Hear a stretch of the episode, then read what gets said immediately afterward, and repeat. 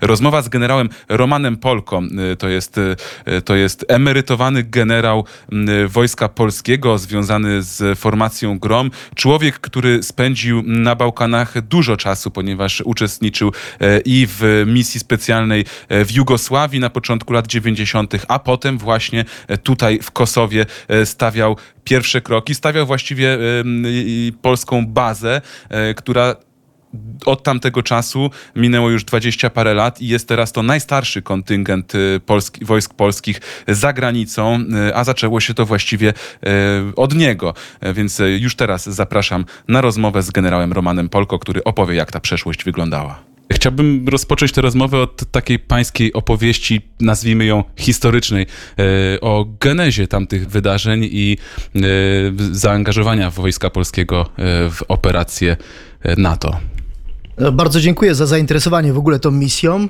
Z szacunku przede wszystkim dla mojego, moich podwładnych. To była nasza pierwsza natowska misja, pierwszy sprawdzian bojowy, e, kiedy 18 Batalion Desantowo-Szturmowy, ponad 800 żołnierzy wraz z litewskim plutonem i ukraińską kompanią, która miała cztery śmigłowce, e, realizował misję w Kosowie.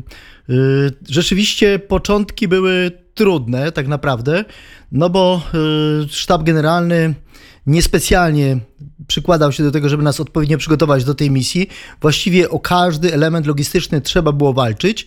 Y, Sztab udało się zgrać świetnie do tej misji, ponieważ realizowaliśmy y, ćwiczenie w siłach natychmiastowego reagowania y, we Włoszech jeszcze. Tam wstępowaliśmy do Sojuszu NATO 12 marca 1999 roku, po to, żeby kilka miesięcy później znaleźć się w Kosowie. No i tutaj właściwie zaczyna się ta opowieść, dlaczego ja tam się znalazłem. Otóż y, znalazłem się, ponieważ nikomu z tej starej kadry zasiedziałej nie chciało się uczyć y, języka angielskiego, znaków, alfabetu natowskiego. Tak naprawdę wielu ludzi, którzy aspirowali do wysokich stanowisk, no kompletnie nie zrobiło nic, żeby przygotować się do wejścia do sojuszu. Pamiętam jeszcze jako oficer operacyjny 6 Brygady malowałem takie ćwiczenie, które nie wiedziałem, że będę realizował w praktyce. Przemieszczenie 18 Batalionu do Kosowa. Namalowałem to znakami NATO i spotkały mnie za to gromy. Panie Polko, my nie jesteśmy w NATO. Ja mówię, to co, w Układzie Warszawskim jesteśmy?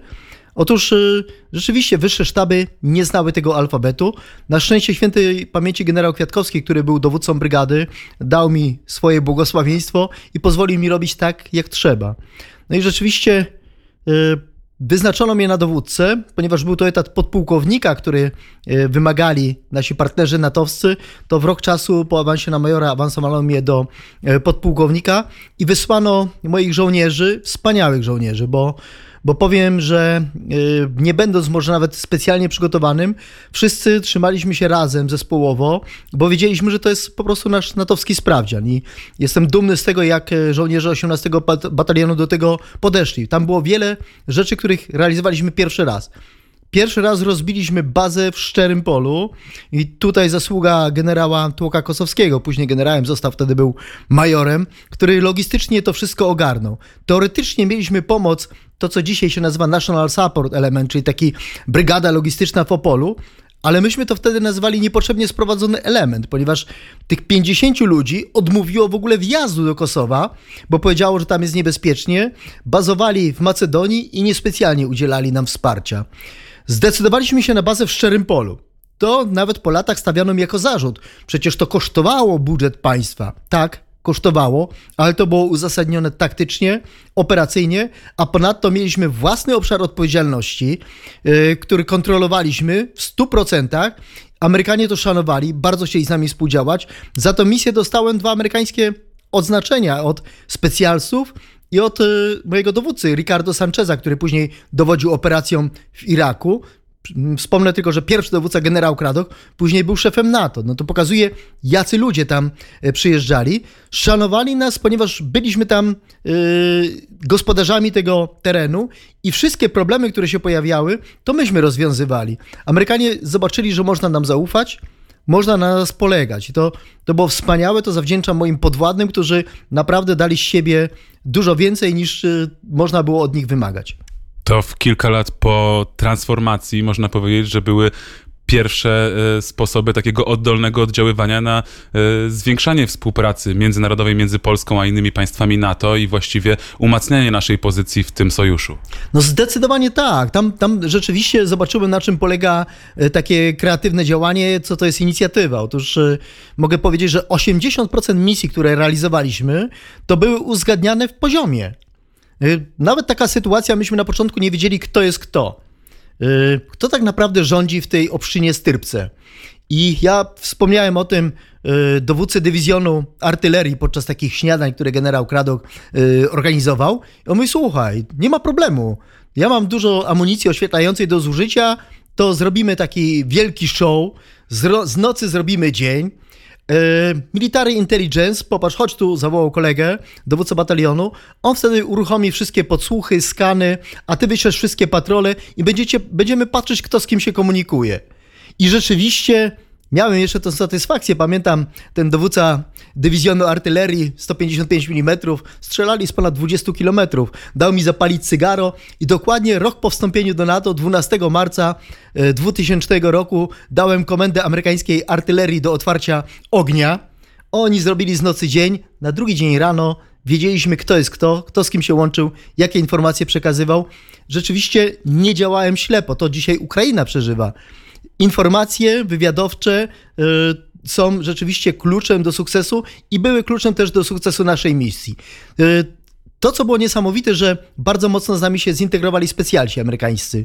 Oni w ogóle, wszyscy dowódcy, którzy przyjeżdżali amerykańskich sił y, specjalnych, przyjeżdżali do polskiej bazy, bo zobaczyli, że my działamy niestandardowo, że oprócz działań w naszym obszarze odpowiedzialności y, prowadziliśmy też operacje, które miały na celu wykryć handlarzy organami ludzkimi. To były takie mafie wręcz albańsko-serbskie, y, które też porywały ludzi po to, żeby te organy rozprowadzać. A nawet rozwiązywaliśmy, i tutaj też się taka, taka sytuacja była, problemy dyplomatyczne, czyli kiedy to była kur, dosyć kuriozalna sytuacja. Niemiecki dowódca sił nakazał amerykańskiemu dowódcy, generałowi y, Ricardo Sanchezowi, pomóc francuskiemu dowódcy, co francuski dowódca przyjął jako dyshonor i nie chciał wpuścić Amerykanów. I wtedy generał Ricardo Sanchez mówi: Słuchaj, mam pomysł, jak to zrobimy. Ty tam wyślesz swoją kompanię i popatrz, z mojego sektora będzie to zrealizowane, a przecież blokady dla Polaków nie ma. I wtedy y, rzeczywiście szybki telefon generała Clarka, dowódcy sił NATO, do prezydenta, prezydenta Polski, y, zgoda. I w ten sposób znaleźliśmy się w Mitrowicy, który wtedy był takim najbardziej zapalnym punktem y, w całym właściwie Kosowie. I tam dowodził mój podwładny, wtedy major Bąk, później też generał. No to pokazuje, że rzeczywiście ta pierwsza natowska misja też stała się kuźnią generałów. A tak, jeszcze wracając do samego początku, do właściwie pierwszego dnia, gdy postawił pan e, nogi na e, kosowskiej ziemi. Jakie wrażenia pierwsze pan odniósł wtedy tam? To postawienie nogi na tym kosowskiej ziemi to rzeczywiście y, takie było dosłowne postawienie stopy, ponieważ y, ustaliliśmy, że nie będziemy zajmować infrastruktury, która będzie potrzebna. Tam chodziło o fabrykę betonu. y, do ludności, bo do tego, żeby się po prostu odbudowywała, tylko umieścimy się w takim operacyjnie dobrym miejscu, no to poprosiłem Amerykanów, żeby sprawdzili, czy tam nie ma min. Amerykanie, y, którzy byli na miejscu, no nie tyle, że sprawdzili, tylko po prostu przeorali drogę i nic nie zrobili. I cóż, no trzeba było samemu wejść w to pszeniczne pole i popracować trochę jak ten ruski saper, jak to niektórzy mówią, y, żeby zobaczyć, y, czy tam tych min nie ma, no bo przecież tych blisko 800 ludzi, a później jeszcze y, ci Ukraińcy, Litwini, no trzeba było gdzieś rozmieścić. Wszedłem, pamiętam, w to pole pszeniczne i tak zawołałem Marka, księdza kapelana tutaj. Mówię, Marku, chodź tutaj ze mną. A on mówi, o co ci chodzi? A mówię, no sprawdzimy, czy tu min nie ma. No i to rzeczywiście, no było to dosyć ryzykowne, no ale przecież było pięć transportów w drodze, rozpoznania nie było, no jakoś te, tą misję trzeba było rozpocząć. Problemem też było, kiedy dojechał pierwszy transport, a o tym już mi powiedzieli Amerykanie myśmy ich uprzedzali, ale może nie do końca właściwie, że będziemy wjeżdżać na ten teren. No tyle, że nasze wozy bojowe BRDM-y były podobne do tych, którzy mieli Serbowie. I też dowódca właśnie yy, dywizjonu lotnictwa mówi, słuchaj, jak ja zobaczyłem z powietrza te berdemy, które jadą, to myślałem, że to jest serbska ofensywa. Ty się ciesz, że ja nie strzelałem, bo przecież u góry powinny być yy, znaki rozpoznawcze. Rzeczywiście były takie yy, zgrzyty na początku, ale później nauczyliśmy się siebie nawzajem, szanowaliśmy siebie nawzajem i bardzo skutecznie realizowaliśmy wiele, wiele trudnych misji. Jeżeli było ryzyko, to naprawdę bardzo dobrze skalkulowane. No, jedno słowo troszeczkę ciśnie się tutaj na język, czyli y, chaos tak naprawdę u początków. Czy to jest coś, co definiuje początek każdego konfliktu i każdej reakcji na agresję y, no, jakiegoś tam, powiedzmy, nienazwanego w tym momencie agresora? No myślę teraz oczywiście o sytuacji mm, w Ukrainie, ale y, też to przy tej okazji. Czy to jest coś takiego, co, y, co zawsze towarzyszy misjom, czy są takie, które są świetnie zorganizowane od początku. Żołnierz przyjeżdża i od razu wie, w którą stronę ma iść, gdzie strzelać, kogo pytać o pozwolenie. No przyznam szczerze, że trochę ten chaos wygenerował też y, niestety, ale sztab generalny, bo przecież ja dowodziłem w Bielsku, miałem mnóstwo rzeczy do zrobienia po to, żeby batalion przygotować do wyjazdu. Batalion, który no, no trzeba było wręcz budować od podstaw, ściągać ludzi, mnóstwo obowiązków, a dokumenty te, które przysłano mi do przygotowania, były wysłane do Warszawy, do sztabu generalnego. I nikt nie pomyślał, że mi te dokumenty przesłać do Bielska, tylko wezwano mnie do sztabu generalnego w godzinach urzędowania do Warszawy. I proszę sobie wyobrazić, przyjeżdżam tutaj, siadam rano w kancelarii, studiuję te dokumenty, to jest taka gruba księga, kilkaset stron w języku angielskim, a tu urzędas mówi mi, że jest godzina 14 i on kończy robotę i zamyka. I nie miałem możliwości, po pierwsze, zapoznania się z tym. E, po drugie, rzeczywiście to była pionierska misja, jeśli chodzi o polskie wojsko. Zupełnie inny system natowski. Myśmy go poznali podczas ćwiczeń, manewrów, ale w praktyce, no to jednak było uczenie się tego od podstaw. No i procedury dla siebie też sami pisaliśmy. Żołnierze też, e, przechodząc właściwie z takiego minionego systemu na ten nowy, uczyli się samodzielności, inicjatywy w działaniu. Otóż nawet, nawet był problem było, było to, problemem było to, że jednostka powietrzno-desantowa, aeromobilna, przecież powinna być obez, yy, obeznana z tym, jak yy, posługiwać się śmigłowcami transportowymi, bojowymi, tylko że w Polsce tych śmigłowców niewiele było, na ćwiczeniach prawie w ogóle i dopiero na miejscu, na misji moi żołnierze yy, dochodzili do wniosku, kurczę, to, to pilotowi można mówić, gdzie ma lecieć? Ja wiem, nie tylko można mówić, należy mu mówić. Pilot leciał, zobaczyłem gdzieś dym, skręć tam w lewo, poleć tam trochę, zrób kółko bo uczyliśmy się widzieć po prostu yy, ten nasz obszar odpowiedzialności z różnych perspektyw. Wspaniała lekcja dla nas. Yy, też yy, wielokrotnie nocą coś y, podróżowałem po naszej strefie odpowiedzialności, nawet tym polskim honkerem z dowódcą y, amerykańskiej brygady.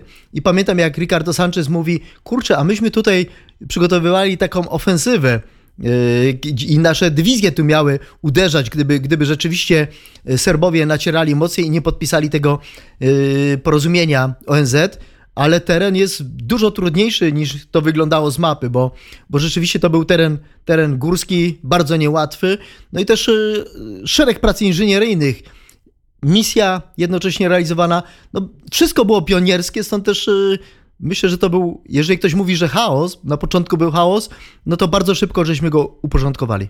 I stworzyli świat takim, jakim go znamy teraz, troszeczkę nawiązując do e, opowieści biblijnych. E, wracając do opowieści o, e, o tym odminowywaniu terenu, to trochę już mi odpowiada na pytanie, które chciałem teraz zadać, czyli jak pan się czuł z tą medialną łatką pana Wołodyjowskiego, którą panu trochę nadano po tamtych wydarzeniach? Bardzo sympatyczny redaktor Bilski y, nadał mi taką łatkę, aczkolwiek to, to tak nie było. To rzeczywiście żołnierze mm, w zasadzie nawet po prostu szanowaliśmy się nawzajem, robiliśmy swoją robotę. Nikt nie uważał się za jakiegoś wybitnego y, pana Wołodyjowskiego, czy, czy nie wiem, nawróconego Kmicica, czy jeszcze jakiegoś Herkulesa, no ponieważ jedno, z jednej rzeczy zdawaliśmy sobie sprawę, że wojen nie wygrywają bohaterowie, superliderzy, tylko kompanie bohaterów. I, I gdyby nie cały zespół, team, sztabowcy, ci, którzy operowali w polu, czy nawet ta grupa żandarmerii, która była taką moją grupą rekin szybkiego reagowania, no to, to byśmy nie osiągnęli tego, co się y, udało osiągnąć. Myślę, że nie od rzeczy jest też wspomnienie jednak y, mediów, bo akurat ci dziennikarze, którzy przyjeżdżali do nas, potrafili uszanować to, co jest tajemnicą i nie szukali taniej sensacji a wpadki się zdarzały. A raz miałem też taką sytuację dość y, mm, trudną, gdzie zostałem zaproszony na uroczystości patriotyczne przez e, UCK i brałem udział w takiej pseudopatriotycznej, takiej bardzo nacjonalistycznej e, paradzie albańskiej, gdzie, gdzie była to taka tak naprawdę teatr nienawiści do Serbów. No tyle, że mój udział tam łączył się z tym, żeby rozpoznać, kto jest kto, zdobyć zaufanie, żeby rzeczywiście wpłynąć na zmianę ich postępowania. To był jakiś element wręcz wstępu do negocjacji, po to, żeby nas uznali za swoich. I pojawili się tam polscy dziennikarze. I tak siedząc na tej arenie, mam to zdjęcie do tej pory, mówię, no tak, jutro w mediach mnie obsmarują, że tutaj yy, polski kontyngent nie zachowuje neutralności, bierze udział w takim widowisku. I ku mojemu zaskoczeniu ukazał się artykuł Profesjonalna osiemnastka. Ukazał się artykuł Inne wojsko, czyli mnóstwo takich yy, pozytywnych artykułów. Yy, były też, zdarzali się wśród moich żołnierzy tacy, którzy no, nie wytrzymali ciśnienia, presji, takie pojedyncze przypadki. Nawet się zdarzało, że ktoś tam napisał list chyba do życia Warszawy, z tego co pamiętam, że, że to my tu mamy ciężko, gnębią nas, na nic nam nie pozwalają, a Ameryka, Amerykanie to mają super, Rosjanie też mają dobrze, bo byli w tej strefie. Zaprosiłem tych, te dziennikarki, które to pisały, zobaczyły to na miejscu, no i rzeczywiście też zmieniły zdanie. A swoim żołnierzom, ponieważ wyciągam wnioski nawet z takich krytycznych głosów, yy, zafundowałem yy, służbę w amerykańskich strukturach. Zapro zaprosiłem amerykańskich inżynierów do siebie, pluton, a polski pluton wysłałem do amerykańskiej, amerykańskiego sektora, żeby skorzystali z tych luksusów na tydzień czasu. Amerykańscy żołnierze zbudowali kaplicę, yy, wspaniałą, pięknie to zrobili, sprawnie, szybko. Nie było z nimi żadnych problemów, a Polscy, kiedy wrócili po tygodniu, to mówią: Oj, nie ma to jak u nas. Bo wszędzie dobrze, gdzie nas nie ma, trawa u sąsiada jest bardziej zielona. Zobaczyli, że tam naprawdę pracuje się od rana do wieczora, a powiem szczerze, że amerykańscy akurat inżynierowie, te, te jednostki inżynieryjne, bardzo mocno się starały, ponieważ tam były też cywilne firmy, kontraktorzy i wyszukiwały wśród żołnierzy takich, których mogliby później wziąć do siebie na wysokie stanowiska.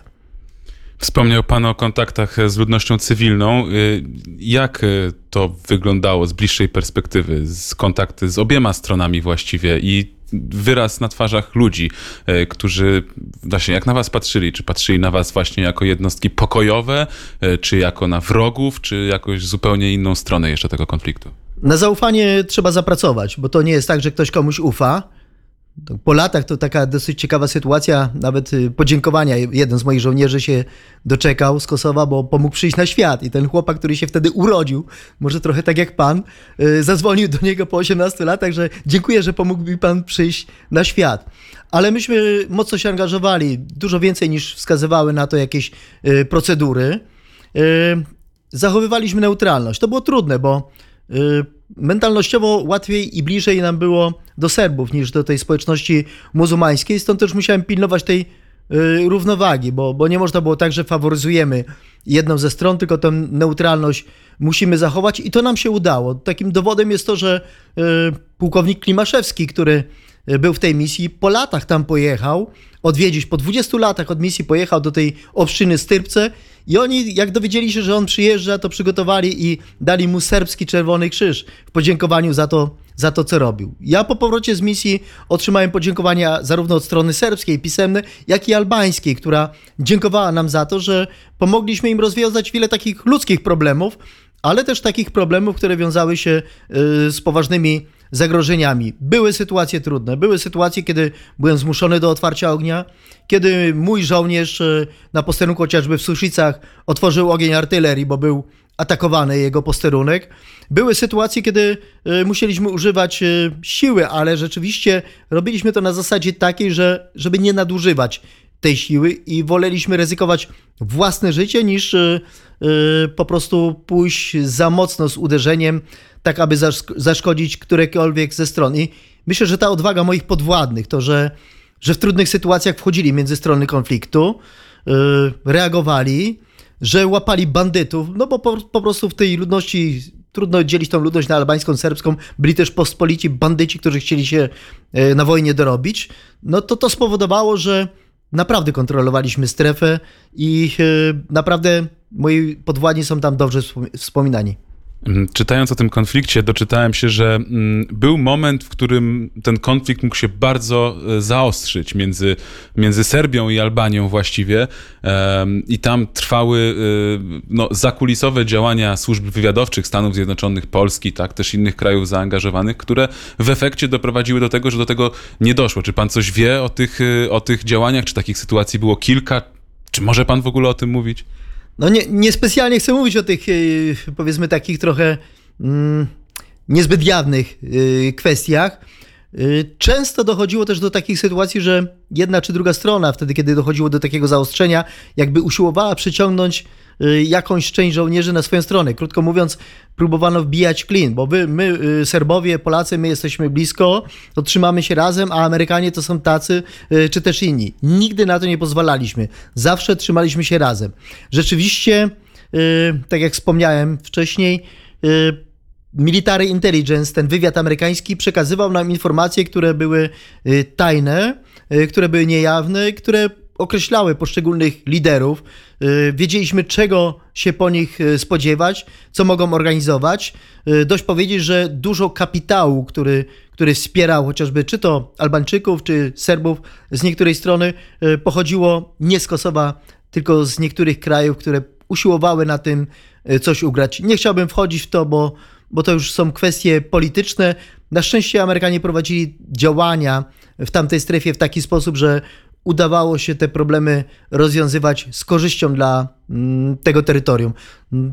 Myślę, że sukcesem też jest to, że ja byłem po latach y, już jako zastępca szefa Biura Bezpieczeństwa Narodowego y, w rejonie mojej odpowiedzialności. Spotykałem się zarówno ze stroną albańską, niektórzy z tych, których, y, że tak powiem, szkoliłem, już byli ministrami, generałami no cóż, życie nie znosi próżni, oni awansowali gdzieś w strukturach i spotykałem się też z tą ludnością chociażby y, serbską. Mogłem tam pójść y, z odkrytą twarzą, bo o polskich żołnierzach tam się mówi dobrze. I z perspektywy czasu, kiedy pan tam powrócił, czy ta misja, w której y, braliście udział, ta pokojowa misja, odniosła stuprocentowy sukces, czy mniej procent tego sukcesu było jak pan, jak pan to ocenia z perspektywy czasu po prostu? No to, to zawsze jest e, trudne do określenia. Ja powiem jeszcze, że później wysłałem tam żołnierzy gromu również, yy, ponieważ uznałem, że niektóre działania specjalne, w których wspierali nas Amerykanie, mogą realizować Polacy i realizowali na korzyść polsko-ukraińskiego batalionu, który zastąpił yy, nasz kontyngent. Otóż yy, to jest zawsze trudne do ocenienia. Kosowo jest dzisiaj niepodległe, ale to było państwo mafijne na początku i i jak rozmawiałem z generałem Ricardo Sanchezem właśnie, to mówił, że to tak się buduje demokracja. Mówi, popatrz, najpierw tu jest mafia, handlują nielegalnie, później będą zatrudniać innych, a kolejne pokolenie będzie chciało to wszystko zalegalizować. Premierem był Tachi, kiedy go spotkałem po kilku latach. Otóż y, Tachi miał w gabinecie portret drugowy, przecież którego zwalczał wcześniej, bo to byłem tego osobiście też y, y, świadkiem. No mam nadzieję, że to idzie w dobrym kierunku, w dobrą stronę. Y, trochę mnie niepokoi takie prześladowanie Serbów. To, to od początku było y, trudne. To nie jest tak, że Serbowie nie mają racji, mówiąc o tym, że y, ta mniejszość serbska jest w Kosowie prześladowana. Jest prześladowana i społeczność narodowa powinna zrobić więcej, żeby rzeczywiście chronić te mniejszości, które w Kosowie przebywają. Stąd też no, dużo polityki w to wchodzi, w to się wkrada. E, myślę, że Myślę, że jedno, co udało nam się zrobić, to jednak chronić ludność cywilną po prostu przed tymi pospolitymi bandytami, wchodzić między strony konfliktu, kiedy chciano do siebie nawzajem strzelać, e, negocjować dosyć skutecznie, bo też e, w Kosowie przechodziłem kursy negocjacyjne. Trochę uważam, że udało się zrobić, aczkolwiek droga do takiej normalizacji stosunków wtedy, kiedy te rachunki krzywd są ogromne, no będzie długa. Pewnie taka jak po II wojnie światowej, czy ta, ta jaka czeka ludność Ukrainy, żeby, czy Rosji przede wszystkim, która będzie pewnie oczekiwała wybaczenia od Ukraińców, ale to też potrwa dziesięciolecia. No to zresztą cały czas widać na terenie byłej Jugosławii, że w krajach bałkańskich, czy to w Chorwacji, czy w Czarnogórze, czy jak pan mówi w Kosowie, no stosunek do Serbów nadal jest, jest duży niesmak. No to jest jarzmo, które oni w jakiś sposób czują się, że zrzucili e, i cały czas patrzą na nich jako na agresora. A to też są ludzie, tam też są cywile, którzy e, na pewno ten czas e, ciężko przeżyli. No w kosowskiej misji warto tu podkreślić, pomogło mi to, że ja wcześniej spędziłem blisko dwa lata w dawnej Jugosławii, w tak zwanej serbskiej krainie. Wiedziałem, czym jest wojna, jak ludzie zwalczają się, jak to się przekłada takie zwykłe, świetne relacje, chodzili razem do szkoły, bawili się, a nagle okazało się, że definiują się jako wrogowie, palą sobie nawzajem doby, domy, strzelają do siebie, mimo że w ciągu dnia rozmawiają to w rejonie chociaż, chociażby Plitwickich jezior o tym, jak, jak fajnie było ileś tam lat temu. I otóż e, na szczęście też spotykam, bo nawet udałem się tam na wakacje, tak trochę też śladem wspomnień, yy, chociażby ludzi, którzy no po prostu potrafią oddzielić zbrodniarzy od tych, którzy są uczciwi, którzy no nie... Kiedy ja mówiłem Chorwatowi o chorwackich zbrodniach, chociażby w kieszeni Medak, yy, którą, którą przejmowałem po Kanadyjczykach, no to, to nie było z jego strony głosy protestu, nacjonalizmu, tylko mówi, no tak, zdarzało się to, trzeba to tępić, trzeba po prostu nauczyć się żyć pokojowo w, tamty, w tamtym regionie.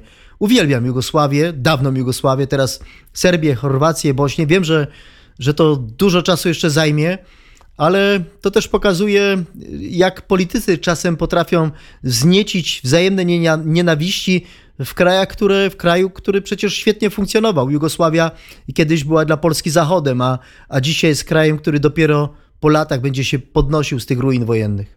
Czy kiedy patrzył pan na twarze tych ludzi zjednoczonych jakimś konfliktem, może nawet nienawiścią do siebie, jako trochę można powiedzieć postronny obserwator, czynnie działający oczywiście w tej sytuacji, ale jednak no, osoba spoza tego konfliktu, e, jakie towarzyszyły panu takie najbardziej ludzkie emocje? Czy to bolało, czy to było e, jakoś, widział pan jakieś usprawiedliwienie w tym?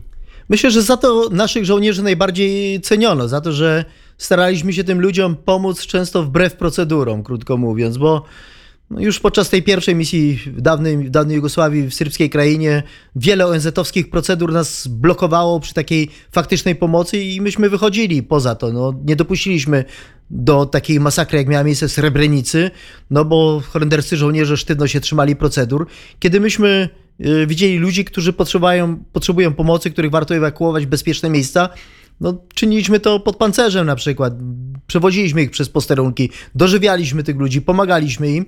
E, tak samo było e, w Kosowie. Ja widziałem jednak e, uznanie dla nas, dla polskich żołnierzy za, za to, że za takie osobiste zaangażowanie, bo, bo to się da odczuć taką empatię. Można, można było podchodzić, jak to nawet żartował mój amerykański przyjaciel z sił specjalnych, że działając zgodnie z procedurami, e, to dając dziecku cukierka, to trzymalibyśmy go na celowniku, no bo przecież może być potencjalnie niebezpieczny i, i dajemy mu ten kawałek chleba yy, czy czegoś innego. Nie, bardzo często w sytuacjach ekstremalnych, trudnych, kiedy napięcie mocno yy, się podnosiło, to myśmy paradoksalnie odrzucali broń, kamizelki i wychodziliśmy, pokazując, że nie, że można po prostu normalnie rozmawiać, uśmiechaliśmy się, ta nasza postawa taka bardzo mocno żołnierska, zaciekła, zaciśnięte pięści mogła eskalować napięcie. Yy, nauczyliśmy się tam, zresztą te wcześniejsze doświadczenia też mi pokazały, rozładowywać te napięcia i moi żołnierze czynili to na, naprawdę yy, wspaniale. To rzeczywiście yy, wspominam te takie teamy negocjacyjne, które jechały, yy, które potrafiły yy, przez takie osobiste relacje rozładowywać naprawdę yy, trudne sytuacje czy z perspektywy czasu, albo po prostu, czy to można powiedzieć, że w pańskiej karierze wojskowej czas w Kosowie był mm, czasem przełomowym? Przełomowa tak naprawdę była ta misja w 92 roku w dawnej Jugosławii, bo człowiek wychodził z tego mm, Warsaw Pact jeszcze postsowieckiego bloku. Y, myśmy, tak naprawdę wysłano nas tam, tak jak Putin wysłał wojsko na Ukrainę. Ja mówiłem o swoich żołnierzach Parszywa dwunastka, tacy niepokorni, którzy podpadali w jednostkach, ale też y, przebojowi żołnierze. Dowódcy chcieli się ich pozbyć, no bo woleli takich posłusznych kiwaczków, którzy jak te ciepłe kluchy robili wszystko, co im się każe. Takie typowe mięso armatnie. Y, mieliśmy też sprzęt, połowa tego sprzętu w dawnej Jugosławii dojechała na holu. y, namioty bez pałąków, łóżka bez sprężyn. Po prostu wypychano wszystko, bo wiadomo było, że to już do tych jednostek nie wróci. Y, To doświadczenie pozwoliło mi zadbać mocniej o to, co będziemy mieć w Kosowie.